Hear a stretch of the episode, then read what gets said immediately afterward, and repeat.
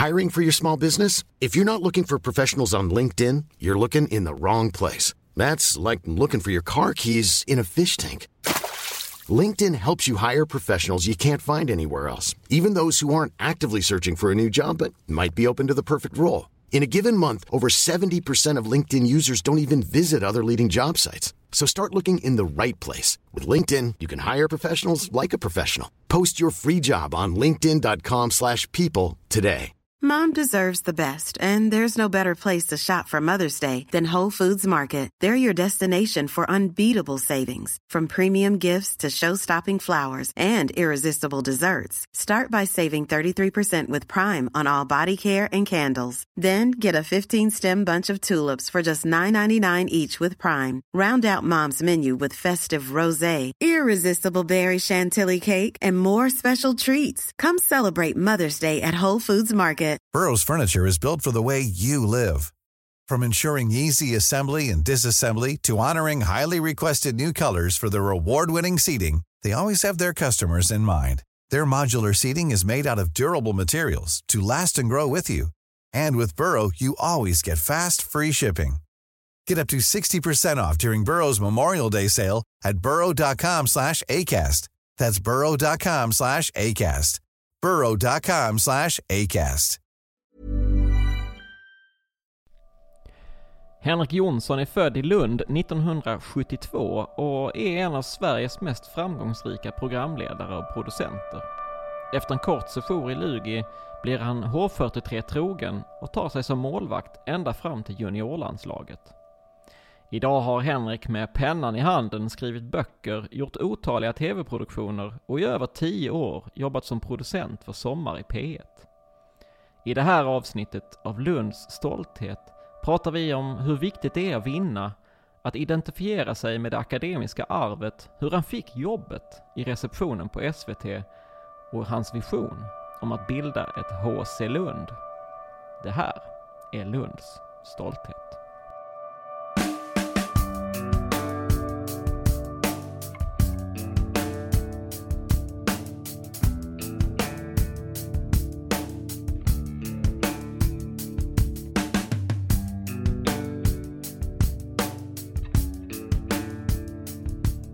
Men först ska vi höra om konserterna som blev av i en handbollsarena som blev om intet. Olympenboken, den är rolig där. Ja, den är fin. Den har jag också. Jag var på mycket Olympenkonserter, fy fan. Ja. Jag hade en, en skräckupplevelse eh, som jag inte uppfattade själv, men jag var på Yngwie Malmsteens eh, konsert och ring, ringde i tre dagar eh, i öronen efteråt. Det var nästan inget folk Nej. heller på den konserten. Jag stod nästan längst fram och fick ett plektrum.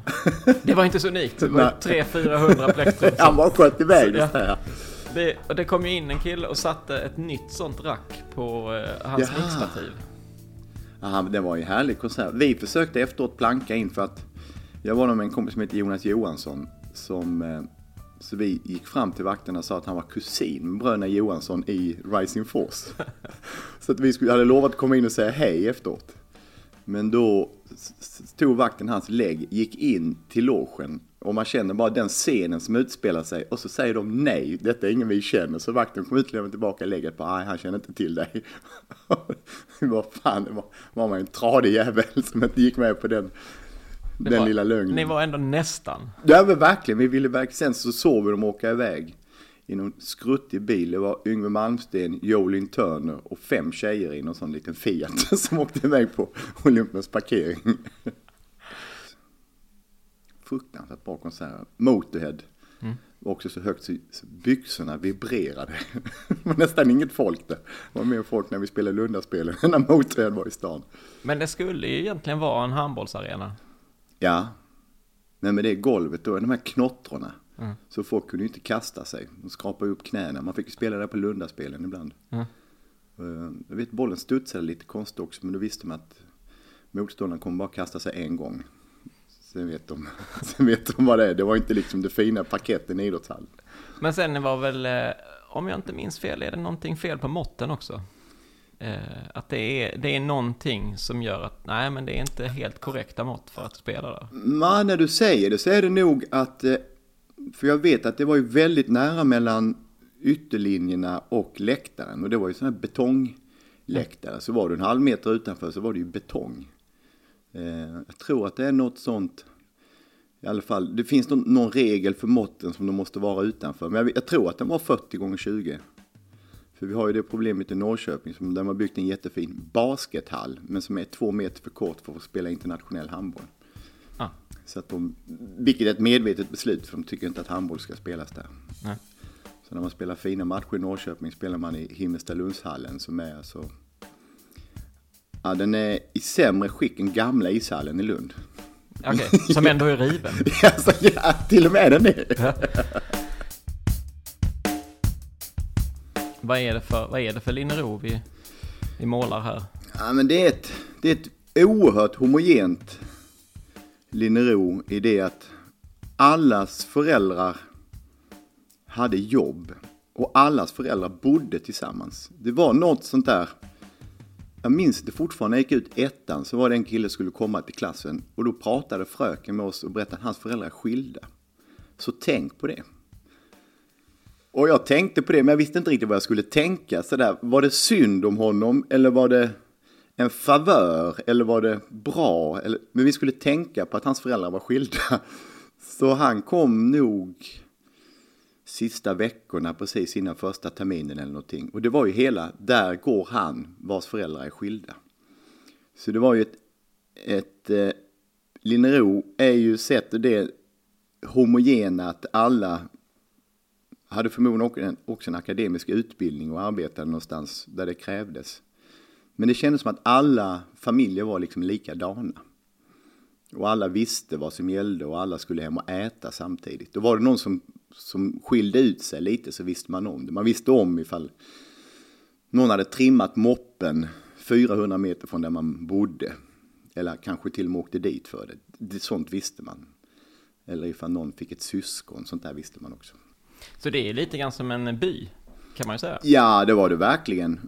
Det var det verkligen. Och man skilde ju lite på vem som bodde. Vi bodde i de här äh, låga vita husen, så då bodde vi i de husen. Sen bodde de som bodde i gula tegelhusen och så var det de som bodde i de fria villorna, hette, kallade man några för. Som låg i gränslandet mellan, och sen var det Vikingavägen. Vikingavägen var ju då hyreshusen. Och de är ju inte mer än två, kanske tre våningar höga. Men, men det var ändå liksom, men där var ju som sagt lite farliga. Där var det lite mer, någon hade en pappa som inte gick till jobbet det var ju oerhört misstänksamt. Så det var, det var lite farligare åt det hållet. Men åt Mårtens Fälad-hållet där jag rörde mig, där var det helt eh, friktionsfritt. Men och, och, och, i denna friktionsfria värld så dyker handbollen upp på något sätt? Ja, ja, ja. Jag började spela 79 i Lugi på handbollslekskolan. Man tränade på Katedralskolan klockan åtta varje lördag morgon. Och jag förstod inte varför min pappa tyckte att det var en olämplig tid att träna handboll. Men han satt där på läktaren, eller på bänkarna bredvid klockan åtta på lördagsmorgnarna och då började jag spela handboll. Min pappa spelade handboll när jag från Karlshamn så det var ju... Jag kommer aldrig ihåg att jag valde att börja spela handboll i alla fall. Men jag började. Och jag vet att Rolf Edling satt där också, hans son och jag är jämngamla. Och Rolf hade ju tagit OS-guld bara någon tid innan. Så det gav ju en viss flärd till handbollen. Jag kommer inte ihåg vem som var... Eh, jag kommer ihåg förresten det, vår ena tränare, Tommy Jönsson, som spelade i Lugis A-lag sen. Men där spelade jag ett år och sen fick vi ett brev hem att i H43 fick man spela match. Och det erbjudandet lät ju för, för bra för att tacka nej till. Så att då började jag spela handboll med H43 Tuna. Då var jag nog sju år gammal tror jag. Men det var nog bara att det brevet kom hem till oss. Och att då skulle man börja spela H43. Och på Tuna var ju en riktig handbollshall också. Det var ju väldigt... Eh, jag kommer ihåg när jag kom in där första gången och såg hur stort, hur stort det var. Katte var ju jättelitet.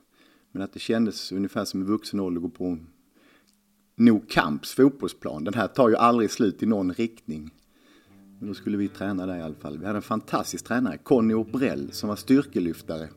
Så, jag tror han var fyra i Europa eller något sånt där. Han var, han var sjukt stark. Han kunde lyfta hela laget samtidigt. Sex, sju spelare var vi. Och det var liksom den stora grejen på träningarna. Och så kunde han skjuta sa han att om han sköt sitt hårdaste i väggen skulle bollen gå sönder. Det, det hoppades vi på att han någon gång skulle göra. Han var inte speciellt lång men han var jävligt stark.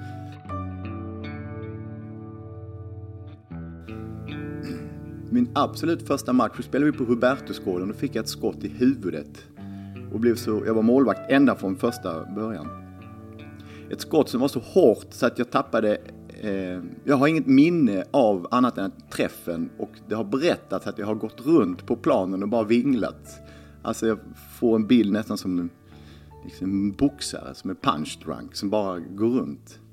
Jag tror att det var Peter Holm som sköt mig i huvudet. Han var stor när vi var små. Jag spelade ihop med honom sen när vi blev äldre. Han var ett år äldre. Men vi förlorade alla matcherna, vill jag minnas, med, eh, med vårt Hoff Tuna-lag i alla fall, under Connys ledning. Så att, om det var att han hade dåligt material eller om han inte var en framgångsrik tränare, det vill jag låta vara osagt. Men vi gick ju sen ihop med i tredje klass med H43 Nöbbelöv som var oerhört bra och deras tränare Torsten Svensson. Och han hade ju eh, ett tvillingpar i laget, Magnus och Mattias, som jag blev bästis med. Och där slogs vi ihop med dem och då började vi vinna. Och sen vann vi i princip det mesta upp till pojke A. Eller vi var alltid med liksom i alla fall. Så någonting hände där när man slog ihop lagen. Och när man tittar på det bakåt så att man undrar ju vad tog de här vägen som aldrig fick spela? Det toppades ju direkt. Det var ju inget snack om att, om att det, som idag, att det står någon med en klocka och nu ska nummer sju in, nu ska nummer fyra in, att alla får vara Lucia och alla får vara mittnia. Om de vill. Utan det gick ut på att vinna och vi skulle vinna mycket. Vi, skulle, vi vann en gång med 43 noll mot lågan. Så skulle vi möta dem hemma. Så bara, idag ska ni slå dem ännu mer. Så det var bara full fart. Bara full fart. Så alla började skrika och bråka så fort liksom någon missade ett läge. Bara, vi ska göra 44 mål. Det är som på två gånger 20. Vi hade ju en enorm sammanhållning. Jag tror att vi var 11 eller 12. Och vi var i princip samma spelare hela vägen från att vi var då 8-9 tills dess att vi blev A-pojkar, juniorer. Då fick vi in, var några spelare från NBI i Malmö som, som anslöt och, och någon från Kävlinge sådär. I och med att vi var ett bra lag. Och att vi hela tiden stångades mot Lugi. Det var ju det som var mycket stora drivet var ju att Lugi var ju också ett fantastiskt bra lag. Så att vi hade ju de granngårds, de, de tuffaste matcherna. Men jag kan komma, jag, jag kommer ihåg sådär bara, vi har pratat om det nu med att de flesta av oss i det laget har ju hållit på med handboll på ett eller annat sätt fortfarande. Att, att det var aldrig en diskussion om att åka väg till en turnering i Göteborg och en kille kanske fick spela två minuter. Och det var ingen som tyckte att, vadå, vi vann ju. Det var ju det som var hela grejen, vi skulle vinna matcher. Eh, men jag, jag, kan aldrig minnas att, att vi hade en diskussion om att att eh, nu ska han få spela lite och nu tycker inte han det är så roligt. Utan det var någon slags naturlig darwinistisk utslagning. Ja, vi tränar tre gånger i veckan och är du inte tillräckligt bra får du inte spela på lördag. Och så bara pågick det. Men vi körde ju, framförallt så körde vi med i princip samma uppställning i två, tre år. Matchen bara började så gick alla ställde sig och så körde vi liksom. Så att det var ju en helt annan tid av ungdomsidrott det var ju en tid som jag än idag är väldigt starkt förknippad med. Jag känner ju att jag är ju sprungen mer ur min tid som ungdomshandbollsspelare i H43 än de skolorna jag har gått i eller mina klasskamrater.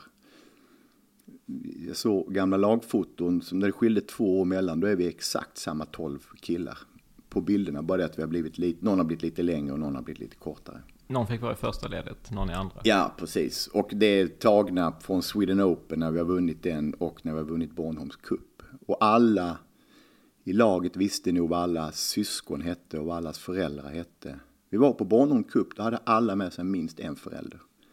Så det var ju ett väldigt fint kollektiv att vara i och att man levde för sitt lag. Man var en som spelade i Hoftres 72 år. Jag var en, jag var en av dem liksom enorm stolthet i det.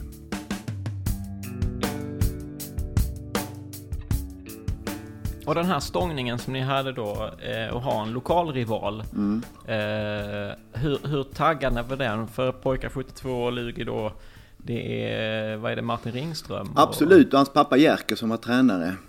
Och så hade de ju Henrik Sköld i mål som var 73 men han lyfte de upp. Jonas Wennerbäck, Rickard Raab. Ja, de, det var ett bra lag. Martin var ju fantastisk. Jag vet ju fortfarande att han skjuter gärna i, i höger midja. Han viker skottet. Jag ser det fortfarande. Vi spelade beachhandboll ihop förra året. Och när han, vi värmde upp så går jag dit. Det sitter i, i kroppen. Han blev ju bra på, på riktigt. Och spelade väl i elitserien och sådär.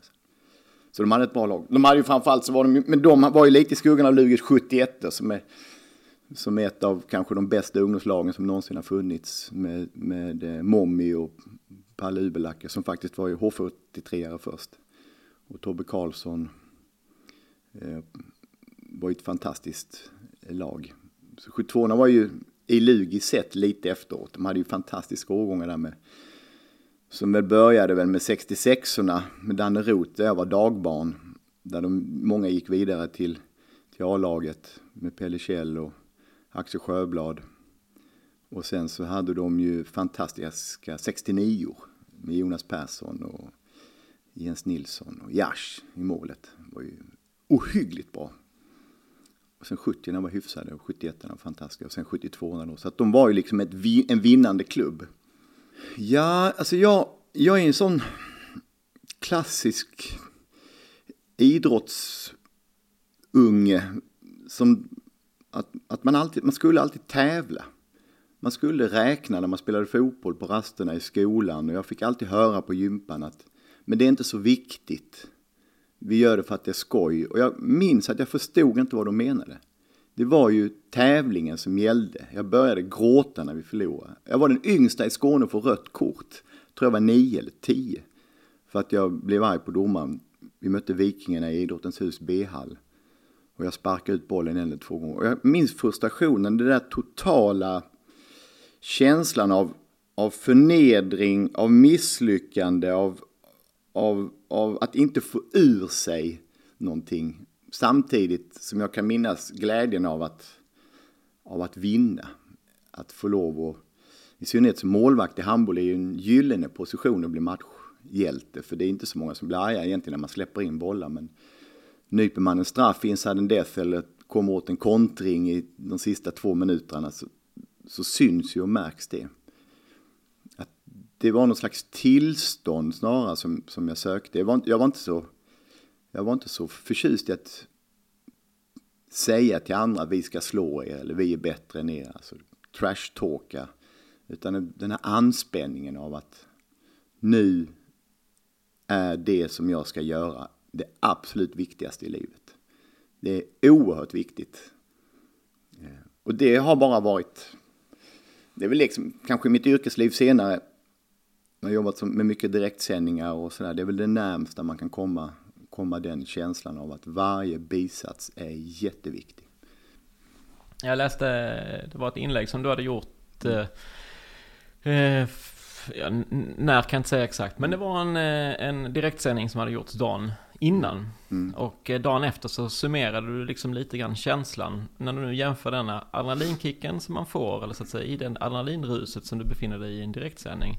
Alltså det som kändes så viktigt igår, känns le- idag lite, jaha. Ja men så är det. TV, TV i synnerhet som är så vansinnigt förgängligt. Man, jag jobbar med Kristallen, har gjort några år nu till exempel, och med Melodifestivalen. Som är förhållandevis, Kristallen är bara ett program, Melodifestivalen är ju, höll jag på att säga numera, men är ju sex program. Man jobbar och jobbar och jobbar och jobbar och sen sänder man och sen rullar eftertexterna. Sen är det borta. Sen är det inte ens upplöst i atomer i universum, det är bara borta. Det är lite skillnad om man gör skivor. Som jag vet med musikerkollegor, för de vet att det här är en sammanfattning av en period. Eller en film som ofta är en sammanfattning av en idé. Och nu skriver jag ju böcker och jag känner det när jag ser böckerna att ja, men de, de finns kvar. Men tv är väldigt viktigt i stunden, men sen betyder det inte ett jävla skit. En handbollsmatch kan man ändå prata om. Den lever kvar liksom. den gången jag gjorde så och du gjorde så. Det minns vi. Springer jag på Martin Ringström ner på stan så kommer vi nog kunna prata om en semifinal i Dalemskuppen 85. Men du menar att man, man träffar inte någon Kristallen-kollega och säger Nej. Minns du när... Nej. Och så sa du...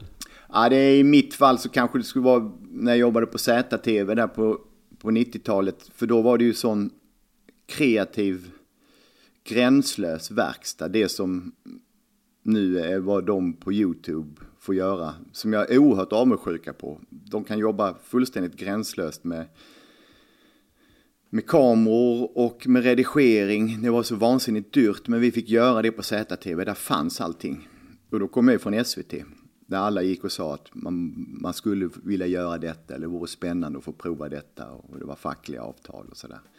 På ZTV var det bara, fan jag borde kanske inte varit naken i sändningen eller nu måste ni sluta röka gräs i rökrummet. Vem har snott Kentas plånbok? Det var lite mer, det var lite mer den typen av diskussioner. Det var unga vuxna utan några riktigt vuxna i, i rummet. Så att, så att det, men det var, mer, det var inte nog själva tv-programmen i sig, det var nog mera känslan av att komma till Västmannagatan 44, öppna dörren och känna nu gör vi vad fan vi vill. Och ju mer...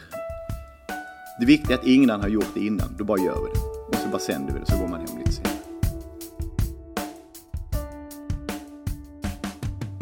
Du går inte den gängse Lundavägen och pluggar här och... Eh, utan du, du försvinner iväg. Ja, alltså handboll under, under min gymnasietid, jag gick på Katte, det var oerhört... Det var det som jag... Jag var en handbollsspelare som på dagarna gick i skolan. Så upplevde jag det. Vi tränade mycket. Jag tyckte om att träna mycket. Och jag... Jag var nog den enda ifrån Lund som var med i juniorlandslaget. Tror jag. vi spelade JSM och då blev jag utsedd till bästa målvakt. Och sen så blev jag kallad till brev. Jag kommer fortfarande ihåg när jag fick brevet, kom hem från skolan. Då fick man ju brev hem skrivet på skrivmaskin. Vi har glädjen att informera att du är kallad till. Att, att det var verkligen en sån stund jag skrek högt. Har du kvar det? Ja, jag tror inte det. Jag ångrar att jag inte har det, för jag vet Staffan Olsson som jag umgås med en del, han visade sitt sånt brev han fick när han kom med i juniorlandslaget. När de också skrev att de gärna såg att han klippte sig nu när han skulle, när han skulle representera Sverige. Så att han hade ju en större anledning att spara när man kände, vad fan, har ni inte sett stockholmare som spelar handboll har långt hår och de spelar jättefort och de ska skjuta underarmsskott och alla målvakterna ska vara viga och spänstiga men alla ska ha långt hår. Jag skulle bli militärpolis i Stockholm och det skulle man då rycka in i januari. Så att då flyttade jag till Stockholm en vecka efter att jag gick ut på Katte. Jag skulle också plugga som alla andra. Det var ju inte en fråga om om man skulle plugga utan det var ju vad man skulle plugga. Jag hade rätt kassa betyg dessutom. Så i mitt fall var ju frågan om vad kom jag in på överhuvudtaget. Men jag skulle börja med att göra lumpen så då flyttade jag till Stockholm och började spela med Cliff som då hade ett, ett jävligt bra lag. Staffan Olsson var där vi lärde känna varandra. Han var skadad och var ju hemma då efter VM-guldet 90. Och min svåger Uffe Karlsson som var en duktig vänstersexa vid H43 spelade där också. Han hade spelat något år tidigare i Hellas. Och vi hade ett jävligt bra lag, men det var någonting som saknades i det. Framförallt så vet jag att Uffe och jag pratade om det som bägge då sprungna i H43. Det var ingen som satt kvar i omklädningsrummet. Folk duschade hemma. Aldrig hört talas om att man kunde duscha hemma. Man kommer till träningen, man sitter och pratar, man byter om man går in och pucklar på varandra allt vad man orkar på träningen. Sen sitter man kvar i omklädningsrummet. Är det någon som, ska vi hyra en film? Ska vi äta en pizza? Nej, det var inget. Jag bodde granne med en kille som heter Fredrik Appelgren som tyvärr inte lever längre, som då hade varit proffs i Benfica. Vi, vi umgicks lite på det sättet, att vi åkte och åt efter träningarna eller gjorde någonting. Men det var något som, som lite försvann eh, idé av att vara en handbollsspelare. Man var liksom en vanlig människa. Aha, så du spelar handboll? I Cliff, vilka är det? Jag har ingen aning. Men vi i vårt gäng hade ju väldigt roligt och då, framförallt så var det ju väldigt bra att hålla på med handboll i Stockholm. För det var väldigt många handbollsspelare som var dörrvakter. Jag har en vänstersexa i Tyresö som hade tidigt en firma så att vi kom ju in på de flesta ställena. Hela Kungsträdgården med Vickans framförallt och Café Opera. Det var ju handbollsspelare överallt så man kom ju in. Så det var roligt liksom att vara i den handbollsgänget och det känner jag att jag fortfarande tillhör dem. Den här historien har jag hört Mm. eh, många gånger. Eh, alltså eh, myten om Henrik Jonsson som sitter i receptionen. Ja, Men, den ska vi underhålla. men, exakt, och nu ska du få tillfälle att underhålla den ännu mer. Ja. Hur, är, hur är den här? Ja, men den är faktiskt exakt så här att jag... Jag flyttade ju hem till Lund och bodde på Nils Bjelkegatan i en jättefin lägenhet och var liksom tillbaka i stan och började spela med, med H43s A-lag. Eh, och eftersom jag hade så dåliga betyg på gymnasiet så kunde man gå en folkhögskola i Eslöv. Någon sån här postgymnasial grej. För att om man gick där och där kunde man få betyg 1, 2, 3 eller 4. 4 var högst, det fick 15 procent eller något. Och då kunde du söka in på en speciell kvot på universitetet. Och jag lyckades få en 4 och sökte juristlinjen. Och för, jag tror beskeden kom lite senare för våran kvot, för det skulle lottas. Det var väldigt... Eh, så jag gick i alla fall en sommar i Lund och visste inte riktigt vad, vad mitt liv var på väg att ta vägen. Eh, och samtidigt som min stora syster Sissi jobbade på SVT i Stockholm och såg i interntidningen Vi på TV att de sökte en receptionist på TV-sporten. Och skickade den, den ansökan till mig. Och då kände jag att jag kan lika väl söka det. Men det är lite som att skriva det är lite som att skicka en flaskpost. Så, så astronomiskt var det att, att, att söka ett jobb på tv i Stockholm. I synnerhet på tv-sporten som, som jag är uppvuxen med. Att när det var långa Sportspegeln på torsdagarna så om jag hade borstat tänderna hade pyjamas fick jag titta. På söndagarna var det ju okej men då var det ju marsch i säng direkt när det var klart. Det var ju, det var ju min kyrka. Det var ju vad de sa. Det var ju allt från liksom Posa Sirenius isracingen, då kom det reportaget och sen var det inslagen ifrån elitserien i hockey. Det var ju på den tiden man aldrig sa heller hur matcherna slutade i inslagen. Så det var ju väldigt spännande att titta på, på, på Sportnytt. Så det var väldigt stort och min pappa hjälpte mig att skriva, skriva ansökan. Jag kommer ihåg att vi inledde ansökan med att jag heter Henrik Jonsson och idag fyller jag 22. För att då var det tajmat att skulle de få brevet på min födelsedag. Det, man skulle sticka ut för de, de sökte någon som, någon som tyckte om sport och kunde hålla många bollar i luften. Jag kände att den arbetsbeskrivningen passade jättebra in, in på mig. Men jag satte mig på tåget och åkte upp till Stockholm och hade anställningsintervju med Bosse Gensel, Kjell Andersson och Björn Fagerlind. Vi tre satt i ett rum och vi pratade sport en stund. Och sen satte jag mig på tåget och åkte hem. Och fortsatte liksom att, gå och dra i Lund. Jag jobbade på Skogaholms på nätterna och sorterade bröd. Vansinnigt tråkigt, men vi var några kompisar som, som jobbade där. Handbollskompisar. Och så jobbade jag på Draco hette det då, eller hade hunnit kanske byta namn till Astra. I vaktmästeriet på dagarna och visste liksom inte vad som skulle hända. Jag hade sovit, jag jobbade på nätterna, sovit, vaknade vid lunchtid lyssnar på min telefonsvarare, då säger de att du har fått jobbet på TV-sporten. Och sen kommer posten på eftermiddagen, då har jag kommit in på juristlinjen. Så då var det bara till att välja. Ska jag göra vad man borde göra för val, eller ska jag göra det valet som jag tycker verkar lite mer spännande? Och då kände jag att jag ska åka upp till Stockholm och eh, eh, börja jobba på TV-sporten och sen får juristlinjen vänta lite. Till mina föräldrars förtret såklart. Det var den eviga frågan. Då har vi kvar din plats. Jag tror att jag sa ja även om jag inte visste om det.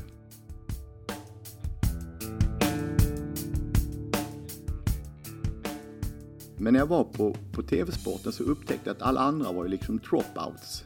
Det, antingen hade man jobbat på Radiosporten eller på, på eh, Sportbladet, tror jag det hette, Sport, en sporttidning i alla fall. Det var där Lars-Gunnar Björklund och de, alla de, och komma dit liksom och arbeta med Christer Ulfborg, Arne Hägerfors, Bosse Hansson, Jakob Hård. Att helt plötsligt bara vara en i gänget och ingen, ingen hade några, liksom, några utbildningar. Någon hade väl gått journalisthögskola, men det har ju inte egentligen med tv att göra. Att då komma från Lund där du i princip måste ha en akademisk examen för att få, få sälja böcker på Glerups.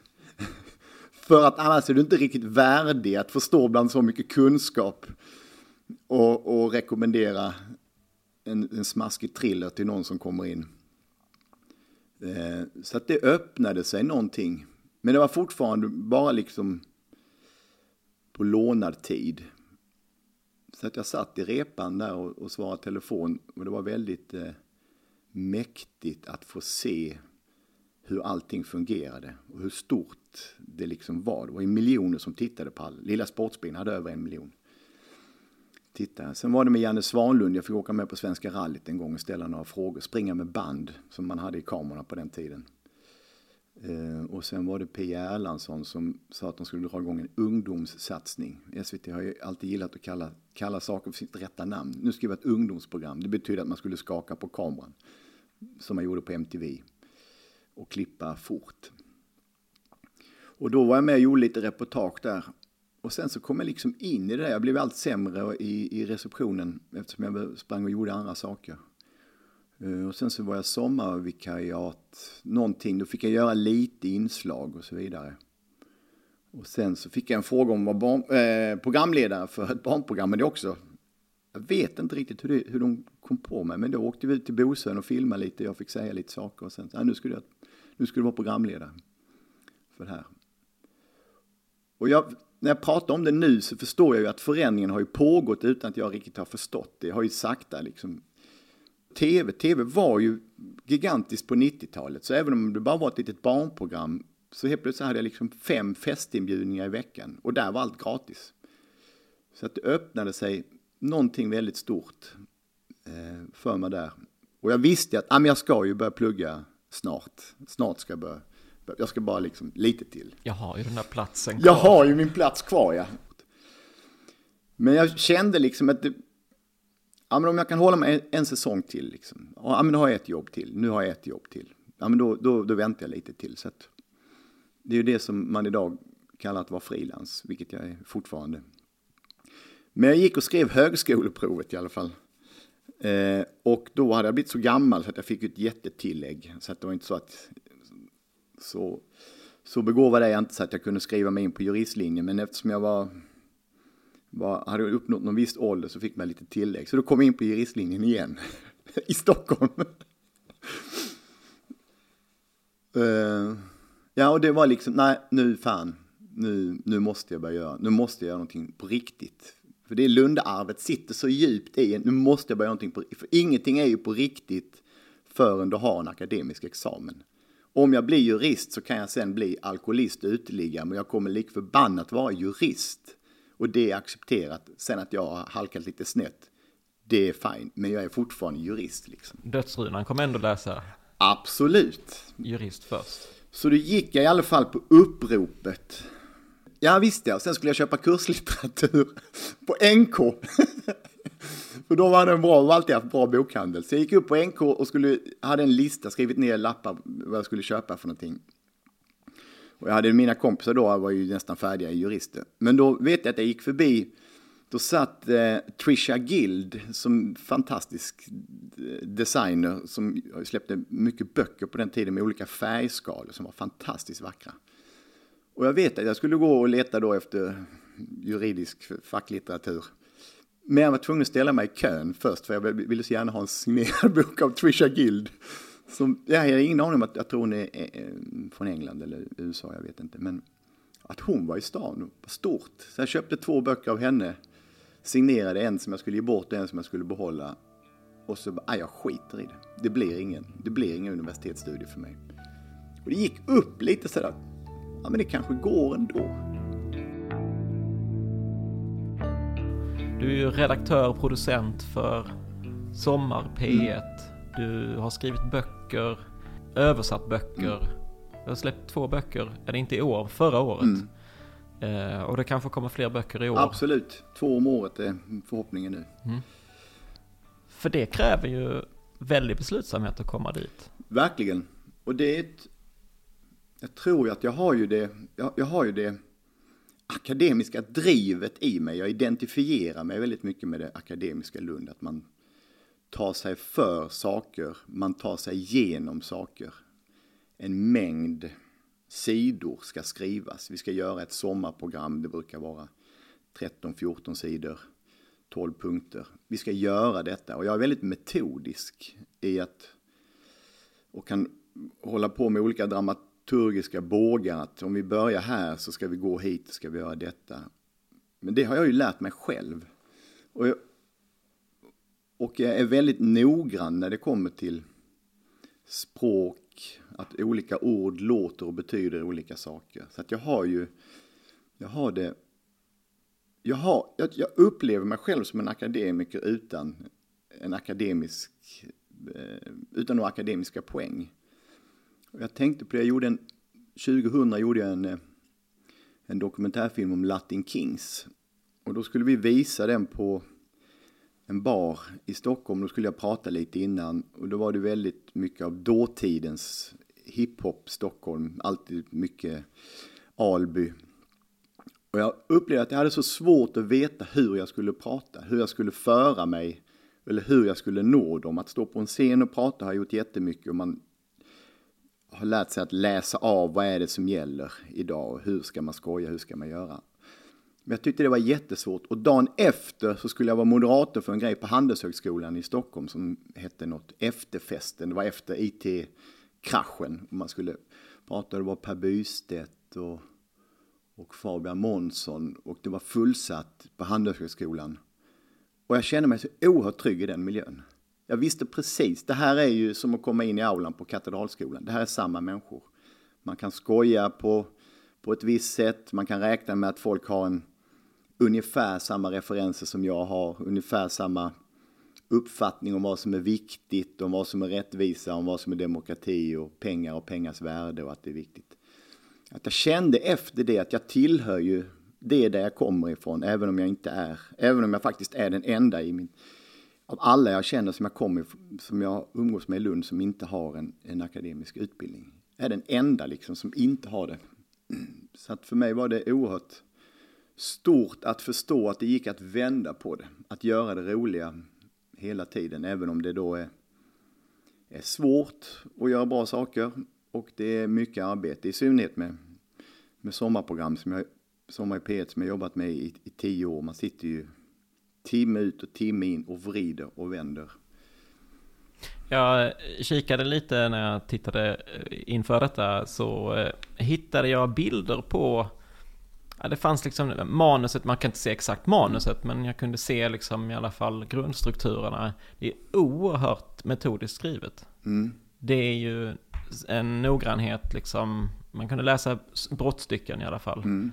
Alltså det, är ju, det har valt så, så här, precis som du säger, man väljer den här bågen, mm. eh, hur dramaturgin ska fungera. Mm. Var, var, hur ska jag behålla lyssnaren? För det är ju långa program. Ja, 48, 50 minuter prat. 1.27, 1.28 brukar de vara programmen. Så det är ju... Och allt ska framstå som att den som pratar kommer på det i stunden. Att den är lite skön och sitter och minns lite lätt. Så jag gillar gärna att det låter lite så här. Så det låter lite lajvigt. Jag, tycker inte, jag är inte så förtjust i att man lägger på ljudeffekt, att man säger och så kom det någon in och så hör man en dörr som smäller i bakgrunden. Då är det bättre att man liksom får knacka i bordet och låta.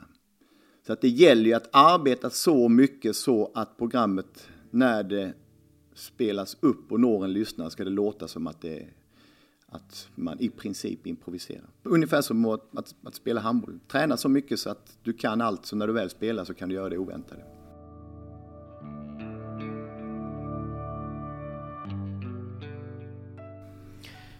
om vi kliver tillbaks in i handbollens värld, för du, eh, idag då, mm. så eh, din relation till handbollen idag, du är ju tränare mm. för... Pojkar 08-09 i Norrköpings HK. Och sitter med i styrelsen där också, det är en lite mindre klubb. Jag tror att vårt lag, vi är 30 spelare, jag tror att vi är halva föreningen. Mm. Det gör jag. Och så sitter jag i styrelsen för svenska handbollslandslaget sen, det är nu sju, åtta år sedan. Ja, åtta år sedan. Om vi börjar i, i Norrköping. Mm. Det du beskrev eh, lite grann med eh, den här H43-känslan, pojkar 72. Mm. Nu, nu kör vi. Mm. Vi ska in och vinna. Har du samma känsla idag när du tränar pojkar 08-09? Ja, jag är väldigt mån om att de alltid ska få bästa tänkbara motstånd. att de som är, som är lite större i kropparna ska göra övningar med varandra. De som har precis börjat ska göra med någon annan som precis har börjat eller med någon av oss vuxna. Jag är uppriktigt inte speciellt intresserad egentligen av hur matcherna slutar, däremot hur vi genomför matcherna. Hur vi förbereder oss, hur vi hänger upp kläderna i omklädningsrummet, hur vi ställer skorna under bänkarna, att när vi värmer upp så springer vi bredvid varandra. Att vi utgår från att ingen vill missa ett skott med flit. Så är det någon som missar ett skott så säg inte till honom att det var dåligt eller säg inte till honom att nu måste du sätta dem. För är det någon som vet att han har missat så var det han som sköt. Och, och jag försöker att arbeta med att vi gör saker som vi kommer överens om och blir inte de bra så får vi prata om det. Straffar är ju en sak som är känslig, vem som ska skjuta dem. Det har vi ibland bestämt dagen innan om vi är på turnering. Vem skjuter första straffen och var ska du skjuta? För det är det enda du ska göra om man säger Mats, du tar första straffen imorgon. Oavsett om du sitter på bänken eller på plan eller om du, och du ska skjuta i målvaktens vänstra nere, så hårt du bara kan. Då är det det som gäller. Och går du då in och skjuter straffen en halv meter utanför i målvaktens vänstra, jättebra, du gjorde vad vi kom överens om. Så att jag är inte så himla fokuserad på att vi ska vinna, men däremot att vi ska göra vad vi kom överens om. Men med det sagt, så när vi spelar turneringar och det är jämnt på slutet. Jag har coachar, jag har inte att göra med bytena. Men om de har en kille som är lite långsam i fötterna, som spelar vänster två och vi har en kille som är rätt så snabb i fötterna, men kanske inte så lång. Då ser jag ju till så att våran spelare ska få möta honom och så säger jag till honom att nu ska du gå på honom två gånger. För då tror jag att han kommer att bli utvisad om inte du kommer göra två mål. Och så ser vi vad som händer. Och det är ju ett sätt att, att vilja vinna matcher, men det är också ett sätt att utmana i idrotten. På samma sätt som jag säger till våra målvakter, nu min son en av målvakten, att om du vet att han skjuter i din vänstra sida så får du välja mellan att gå till höger och så ser du om han skjuter till vänster. Eller så ställer du dig där lite tidigare. Men du måste se till så att han skjuter på dina villkor. Du måste bestämma över honom och det kan ta hela matchen. Det är egentligen bara de två sista skotten du behöver rädda. Men när matchklockan är två minuter kvar, då måste du veta vad gör vi nu? Så att du inte ställer dig och tror att du ska hinna se ett skott i handboll, för den målvakten finns inte. Du måste... Och det är ju ett sätt att tävla och det är ett sätt att vilja vinna såklart. Men det är också ett sätt att bryta ner att processen är mycket viktigare än resultaten. Vi är ett jättebra lag i Norrköping och att spela handboll i Norrköping är lite som att spela bandy i Lund. Det, intresset är begränsat så att säga. För hur är handbollen i Östergötland? Ja, den jämfört med Lund så är det ju noll och intet. Och vi... Handboll i Östergötland ligger oerhört långt efter. Och när, man, när jag var på Åhus Beach med ett gäng killar som jag var tränare för, eller lagledare för, och vi kommer ut där på fältet och jag ser att tre av sex killar bara tittar sig runt och känner att finns det så här många handbollsspelare i hela världen? Och är alla här nu? Och vad jag ser är ju 50-11 H43-lag och 72 Lugi-lag och gamla kompisar. Medan de aldrig sett så många handbollsspelare på samma ställe. Så att det, det är någonting helt annat att hålla på med handboll i, i Östergötland. Men därför är det kul när man får fram en Jesper Nielsen som är från, från eh, Norrköping. Eller Felix Klar som spelade med min frus systers son. Att de betyder väldigt mycket. Så att killarna som kommer fram sticker iväg till olika handbollsgymnasium. A-laget nu är ju division 1, vilket är bra för då går det att ha en verksamhet att det går att fortsätta. Det är ju faktiskt samma nivå som H43 tror jag. Så det, men det är någonting helt annat. Liksom. Vi är en väldigt, väldigt liten familj. Alla känner verkligen alla. Det är lite som Linnero. Ja, verkligen. Verkligen.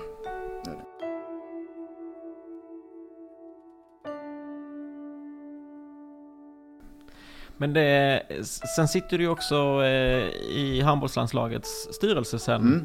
sen ett antal år tillbaka. Och vad är, hur kommer det sig? Det kommer sig nog som så att, eller jag kom ju in i det lite, det var ju när Staffan Olsson blev förbundskapten. Eh, så, så hade vi en rolig idé att jag skulle vara fritidsminister. Så att min uppgift var i samband med landslagssamlingar var att hitta på någonting annat. Eh, så vi gick på konserter och de gjorde Almodovar-filmer och vi var på någon poesiafton i Malmö och jag var oerhört fixad och donade. Eh, och gjorde roliga saker. Och i samband med VM hemma 2011 så lärde jag liksom känna det gänget runt där. Det var ju Anders Nissen framförallt som var väldigt drivande. Och det gick ju så bra ekonomiskt att det som då var VM-bolaget ombildades och blev Svenska handbollslandslaget AB. Och jag gillar den idén så mycket och förstår inte att fler idrotter har gått efter. För tanken är att vi är ett kommersiellt bolag som ägs av Handbollförbundet. Men vi arbetar bara med business. Vi ska söka mästerskap, vi ska dra in pengar, vi ska sälja biljetter. Vi ska inte bry oss om vattenflaskor, eh, utbildningstimeouter. Ska man spela 3-2-1 eller ska man spela utgrupperat försvar? Vad är bäst? Ska alla få vara med, alla få spela? Utan vi kan arbeta bara professionellt på att in med degen, fixa mästerskapen, se till så att, så att det här blir professionellt. Och min uppgift där är väl att med det kommunikativa. Att komma med, med eh, att stötta och komma med förslag. i Stefan Lövgren som är våran verkställande direktör. Att kunna hjälpa honom med det och kontakter. Och... Sen har jag varit konferenser på några landskamper med åren också, men det brukar, det brukar komma med. Jag vet jag tror jag intervjuade Stefan, Stefan 30 gånger i samband med någon, eh, någon partnerresa vi hade till Polen. Eh, och Staffan Olsson har intervjuat 215 gånger om olika saker. Men där är ju, den landslagshandbollen är ju fin, framförallt med Bengan Boys-generationen, att de är ju kvar i sporten är fortfarande väldigt eh, attraktiva när man gör saker. Så att de har intervjuat mycket och haft mycket att göra med. Svensk handboll mår ju väldigt bra. Och förhoppningsvis ska vi komma ut levande elitmässigt i alla fall efter den här pandemin som, som vi lever i. Däremot är jag orolig för ungdomsidrotten som jag tror går en grå tid till mötes. Mm. För det är ju ändå så att alltså, eh, breddidrott eller föreningsidrott och den här pandemin som vi lever i, mm. den är väldigt svårförenlig. Ja, det är den. Jag tycker såklart att det är, hälsan går före allt. Men man måste också diskutera vad är hälsa. Om man som i Norrköping har stängt idrottshallarna fullständigt i vårt lag med då killar som är födda 08-09 så tror jag de är 16 eller 17 som går i samma skola. En idrottsskola där de har gympa varje dag och spelar innebandy och, och brottas. Men de får inte träna handboll på kvällarna. Och vad gör då ungdomar när de inte får lov att göra det som de faktiskt har valt att få göra ett par kvällar i veckan? Det är ju inte så att de sitter hemma och ägnar sig åt, åt bibelstudier och lägger pussel, utan de gör ju andra saker. Och idrottens grund är ju att fostra medborgare och göra folk av, av barn och ge dem deras bästa tid i livet. Och kan inte vi göra det så sviker vi i, i vårt uppdrag. Vi, vi håller ju inte på att utbilda professionella idrottsmän eller gör, eh, ska bära någon slags liksom idrottsarv framåt. Det gör vi också. Men vårt grundsyfte är ju att, att göra bättre, att få människor att känna saker, att det är viktigt och känna sammanhållning. Så när man låser hallarna i tron om att nu kommer de inte att, att uh, idrotta, så gör man fel. Och det var där hashtaggen det lyser i hallen. Jag tycker att det är så jävla svagt av idrotten att inte ha en, en motröst, en, en, en talesperson som säger att det, vi kan inte göra samma skillnad på ridsport och handboll och tennis. Så att bedriva idrott när man egentligen inte kan liksom argumentera någonting emot har varit väldigt svårt och jag tror att när idrotten drar igång igen så är det väldigt många spelare som kommer att saknas. Som aldrig, vi aldrig kommer att få se igen. Ungdomsidrottens största utmaning är att få spelare, killar och tjejer och allt däremellan att hålla på några år till och inte sluta när de är 11-12. Utan hålla på till de är 16-17 så de har liksom en, en samhörighet och en idé om vad de håller på med och kanske kan bli ambassadörer för sporten eller den organiserade idrotten. Men det, det lyser i hallen betyder att här är det rätt så trevligt att vara och vi kan väl få, få hålla på. Jag tycker vi har en idrottsminister som, som inte ens är tydlig med om hon tycker om idrott överhuvudtaget. Jag vet att hon har spelat lite tennis, men det är en folkrörelse. Den har allt, idrotten. Den har pengar, den har möjligheter till integration och den har möjlighet att förena ett folk. Att inte ta tillvara på det utan att bara stänga och kasta nyckeln, det är oförlåtligt.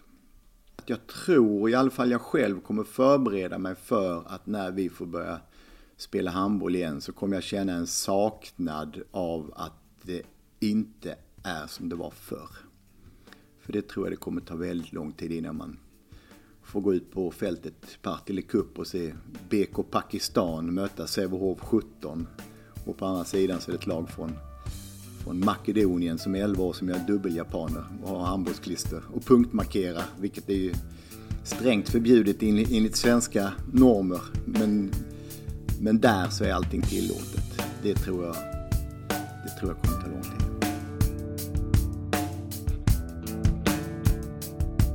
Eh, om man tittar på Lund som stad eh, och handbollen i Lund och du pratade lite grann om att ja, ni, ni jobbar inte i, i motvind i Östergötland men ni är liksom inte riktigt samma grogrund för handboll utan det finns ett stort fotbollsintresse och mm. ja, hockeyn inte minst mm. eh, i Östergötland. Men, men eh, om man tittar på handbollen i Lund, vad, vad tror du skulle kunna vara ett framgångsrecept för att handbollen ska bli en, en, en större publikmagnet eller en, en, om man tittar på den kommersiella delen i detta som du sitter i handbollslandslaget? Ja, alltså, om du jämför till exempel IFK Norrköping med Lugi. Det är två klubbar som, som är stora. När IFK Norrköping spelar fotboll, då är det viktigt. Då, då låser man in sina barn, då får de skrika till matchen är klar. Medan när det ska spelas handbollsmatch i Lund kan man se på bussarna att de har lugiflagga och så går man ner och kollar och så är det lite halvtomt i hallen. Att det är, det är inte viktigt på riktigt. Det är viktigt för att vi är lite checka universitetskillar som spelar handboll på vår fritid för vi ska egentligen göra någonting annat. Det är inte på liv och död. Och jag tror att handbollen i Lund skulle behöva göra skillnad på vad som är elit och vad som är bredd. Bredden ska bli bredare och eliten ska bli mer hardcore kommersiellt. Hej, här i Lund är det viktigt med handboll och när vi spelar handbollsmatcher då vinner vi. Skulle ni vilja vara med oss? och stötta det och kanske tjäna mycket pengar på att vara med oss. Så att det inte är att man ska gå runt med allmosor och fråga Alfa Laval, kan vi få 100 000? Utan lägg in 5 miljoner så kommer ni ha 7 när det är slut. Säsongen är slut. Eller om ni gör det på fem år så kommer ni ha fem gånger så mycket pengar. Hur räknar man ut det? Det tror jag är det som skulle behövas. Man måste släppa känslan av att elitidrott är skoj, nyttigt och eh, allmän friskvård. Elitidrott är min erfarenhet som har haft att göra med kanske i synnerhet när jag gjort sommarprogram, Robin Söderling nu senast, och gift med en elitidrottare. Elitidrott är ren och skär ångesthantering. Det handlar om att hantera en ångest av att idag måste jag vinna. Inget annat. Idag måste jag vinna.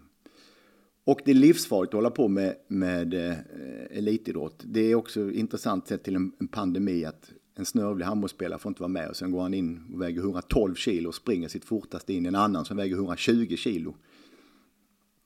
Det är jättefarligt att hålla på med elitidrott. Det är därför som man tränar så mycket för att man ska kunna klara av den fysiska pressen. Eh, och elitidrott är ju inte roligt i bemärkelsen att man springer runt och skrattar, utan det är ju eh, mano di mano. Nu har vi gjort upp vissa regler här och nu har vi olika färger på våra tröjor. Och nu ska vi två gånger 30 minuter se vem av oss som är bäst. Och det är elitidrott. Och de som då väljer att tro på det, de som ska vara på läktaren, de måste ju känna att nu är någon som kommer att kriga för mig. När IFK Norrköping spelar fotboll, då spelar de för hela stan. Då är det vi bor i Norrköping, kom hit så ska vi visa er vad det är att komma till Norrköping. När jag flyttade till Norrköping och de ramlade ur allsvenskan och Eriksson lämnade stan. Och Linköping växte om Norrköping. Ungefär samma tanke som om Lund skulle växa om Malmö, bara så att man förstår vad det innebär. Då gick folk och tittade i marken på gatan. Det var så, det var så skamligt att inte vara att inte vara i högsta serien i fotboll. Och man får jättegärna tycka att det är fånigt och att det bara är idrott. Absolut, men det är ju en, en lek som blir så allvarlig som man väljer att ta den. Det är ju inte så att, att eh, Shakespeares dramer hände på riktigt heller, utan de är ju bara dramer för att han har hittat på dem. Idrott är likadant. Så jag tror att Lund skulle behöva allmänt, den allmänna uppfattningen att det är viktigt. Det är jätteviktigt med handboll. Och det betyder väldigt mycket.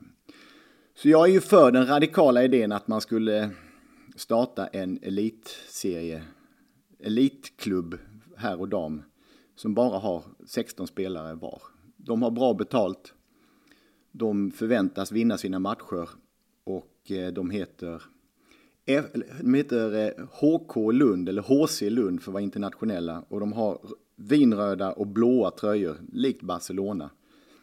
Och när man kommer dit så är det hej, hjärtligt välkommen, här ska du bo, här har du betalt och i den här klubben vinner vi våra matcher. Vi spelar inte idag för att vi ska vara bra om tre år. Du är inte här för att utvecklas och kanske bli proffs om fyra år. Du är här för att vi ska vinna på lördag, sen ska vi vinna på onsdag och sen är det match igen på lördag.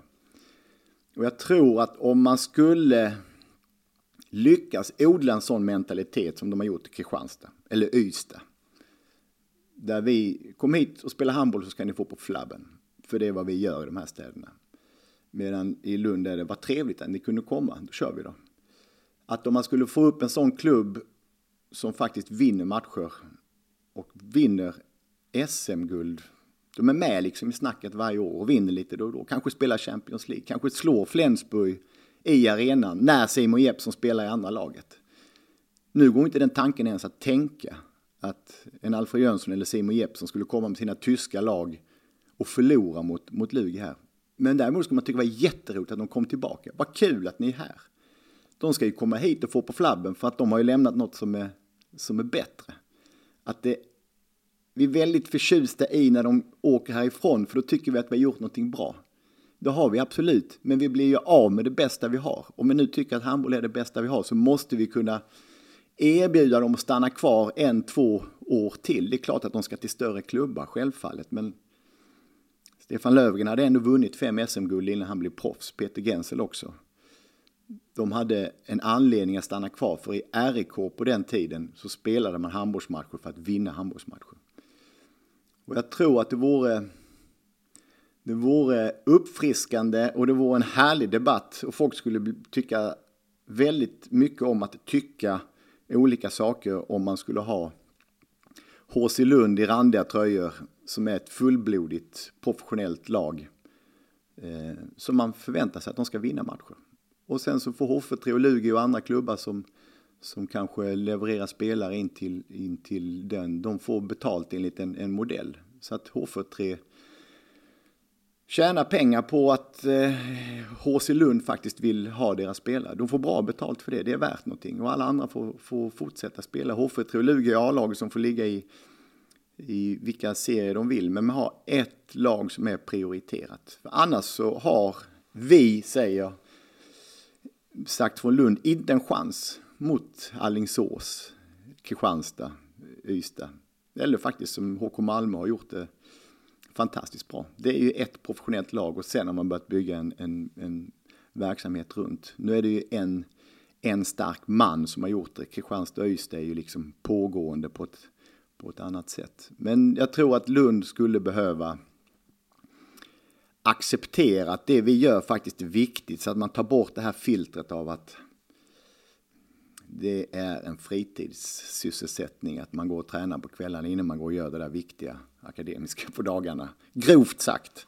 Grovt sagt. Men att förstå att det är, det är viktigt. Det, det är, jag tycker det är lite... Jag tycker det, jag tycker det är lite sorgligt att något som är så viktigt som handboll i Lund inte får den respekt det kräver. Utan när man tittar på tv så sitter folk med telefonerna på läktaren och på planen kämpar fantastiskt duktiga och välutbildade handbollsspelare.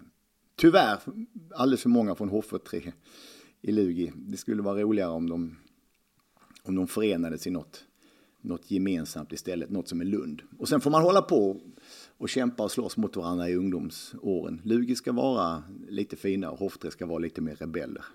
Det, det, så tycker jag om att tänka på det i alla fall. För det, det, skapar en motsättning, men vi är fortfarande kamrater. Vi går i samma klass, vi jobbar tillsammans, vi till och med, som vi gjorde, man samåkte till och med till matcher och turneringar, för man visste. Men när vi kör så kör vi.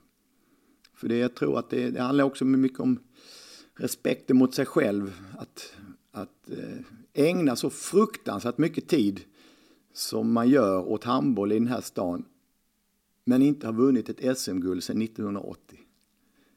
Att, det, att bara tänka på det, ja absolut, jag var och tittade när man slog ut Kristianstad i semifinal, det var en fantastisk match för några år sedan. Men att det är så glest mellan, mellan framgångarna är ju, är ju obegripligt. Det är helt, eh, det är helt obegripligt att man i vissa städer kan ha, ha många lag i många sporter. I Linköping man kan dra runt liksom ett, ett hockeylag när de snittar 70 000 kronor i månaden hur många spelare som helst och bredvid så står det en gigantisk fotbollsarena där damlaget spelar Champions League. Och man spelar innebandy och volleyboll och, och har byggt ett jättefint ridhus som är ett av de bästa liksom i Sverige. Varför kan inte Lund göra det? Varför har vi ett ridhus uppe på Fäladen som, som förmodligen kan kasta en handboll rakt igenom det utan att plankorna ryker? Och varför har vi ingen riktig fotbollsarena? Det kräver inte din gamla tränare. Nej, verkligen. Conny Obrell. Nej men det, det, det är ju lätt för mig att, att som, som inte bor i stan att se det utifrån men att inte eh, att man inte trycker på, på gaspedalen och, och eh, bestämmer sig. För det är ju bara det. Elitidrott handlar om att bestämma sig. Nu ska jag skjuta vänster nere. Då kan du inte skjuta högre uppe. För då har du inte bestämt dig. När Romeo säger till Julia, jag älskar dig, så måste han mena det. Annars så blir det inget Annars bryr man sig inte om att de, att de inte, ja, nu ska jag inte berätta hur det slutar. Stort tack Henrik för ja. att du ville vara med. Tack så mycket Mats, det var väldigt trevligt.